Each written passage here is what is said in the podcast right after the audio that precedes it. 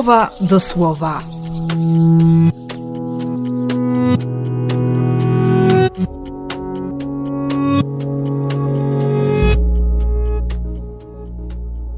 Dziewiąty lutego, piątek.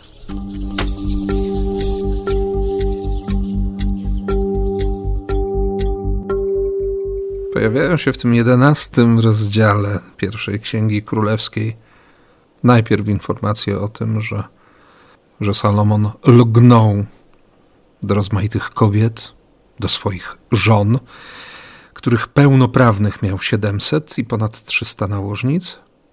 Pojawia się ta zapowiedź, bo przecież serce Salomona przestało słuchać Boga. Staje się posłuszne pokusom wchodzi w konkretne grzechy, zdradza Boga. Więc pojawia się ta zapowiedź o odebraniu królestwa. I od czternastego wersetu tego rozdziału słychać o wzbudzeniu przez Pana przeciwników. Hadad, Rezon. Salomon kończy umocnienia wokół miasta swojego ojca, wokół Jeruzalem. A potem pojawia się Jeroboam, syn Nebata, który też stał się takim problemem, który okazał się groźny dla króla.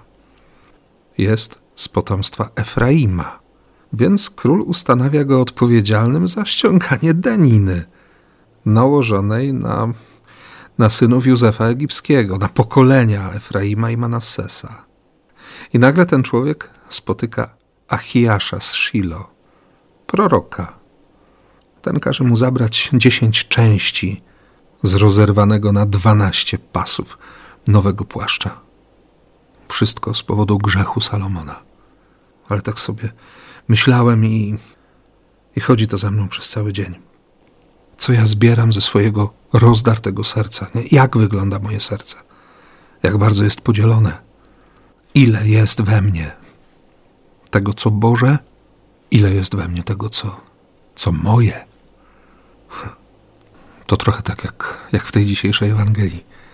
Jezus wyrzucony przez niewiarę z Ziemi Świętej. Bóg wyrzucony z Ziemi Świętej.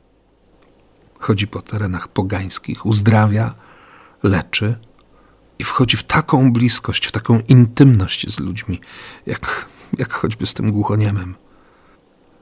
Człowiek, na którego Żydzi patrzyliby z politowaniem, może z pogardą, bo nie słyszy słowa, nie może słyszeć słowa. I do tego też nie może mówić słów Bożych. Głuchy i niemy. A Bóg dotyka go. Hm, I to jeszcze w taki sposób. Otwórz się i nie rozpowiadaj. Ale ludzie wiedzą lepiej. Nie? Posłuszeństwo nad nabożeństwo? Hm.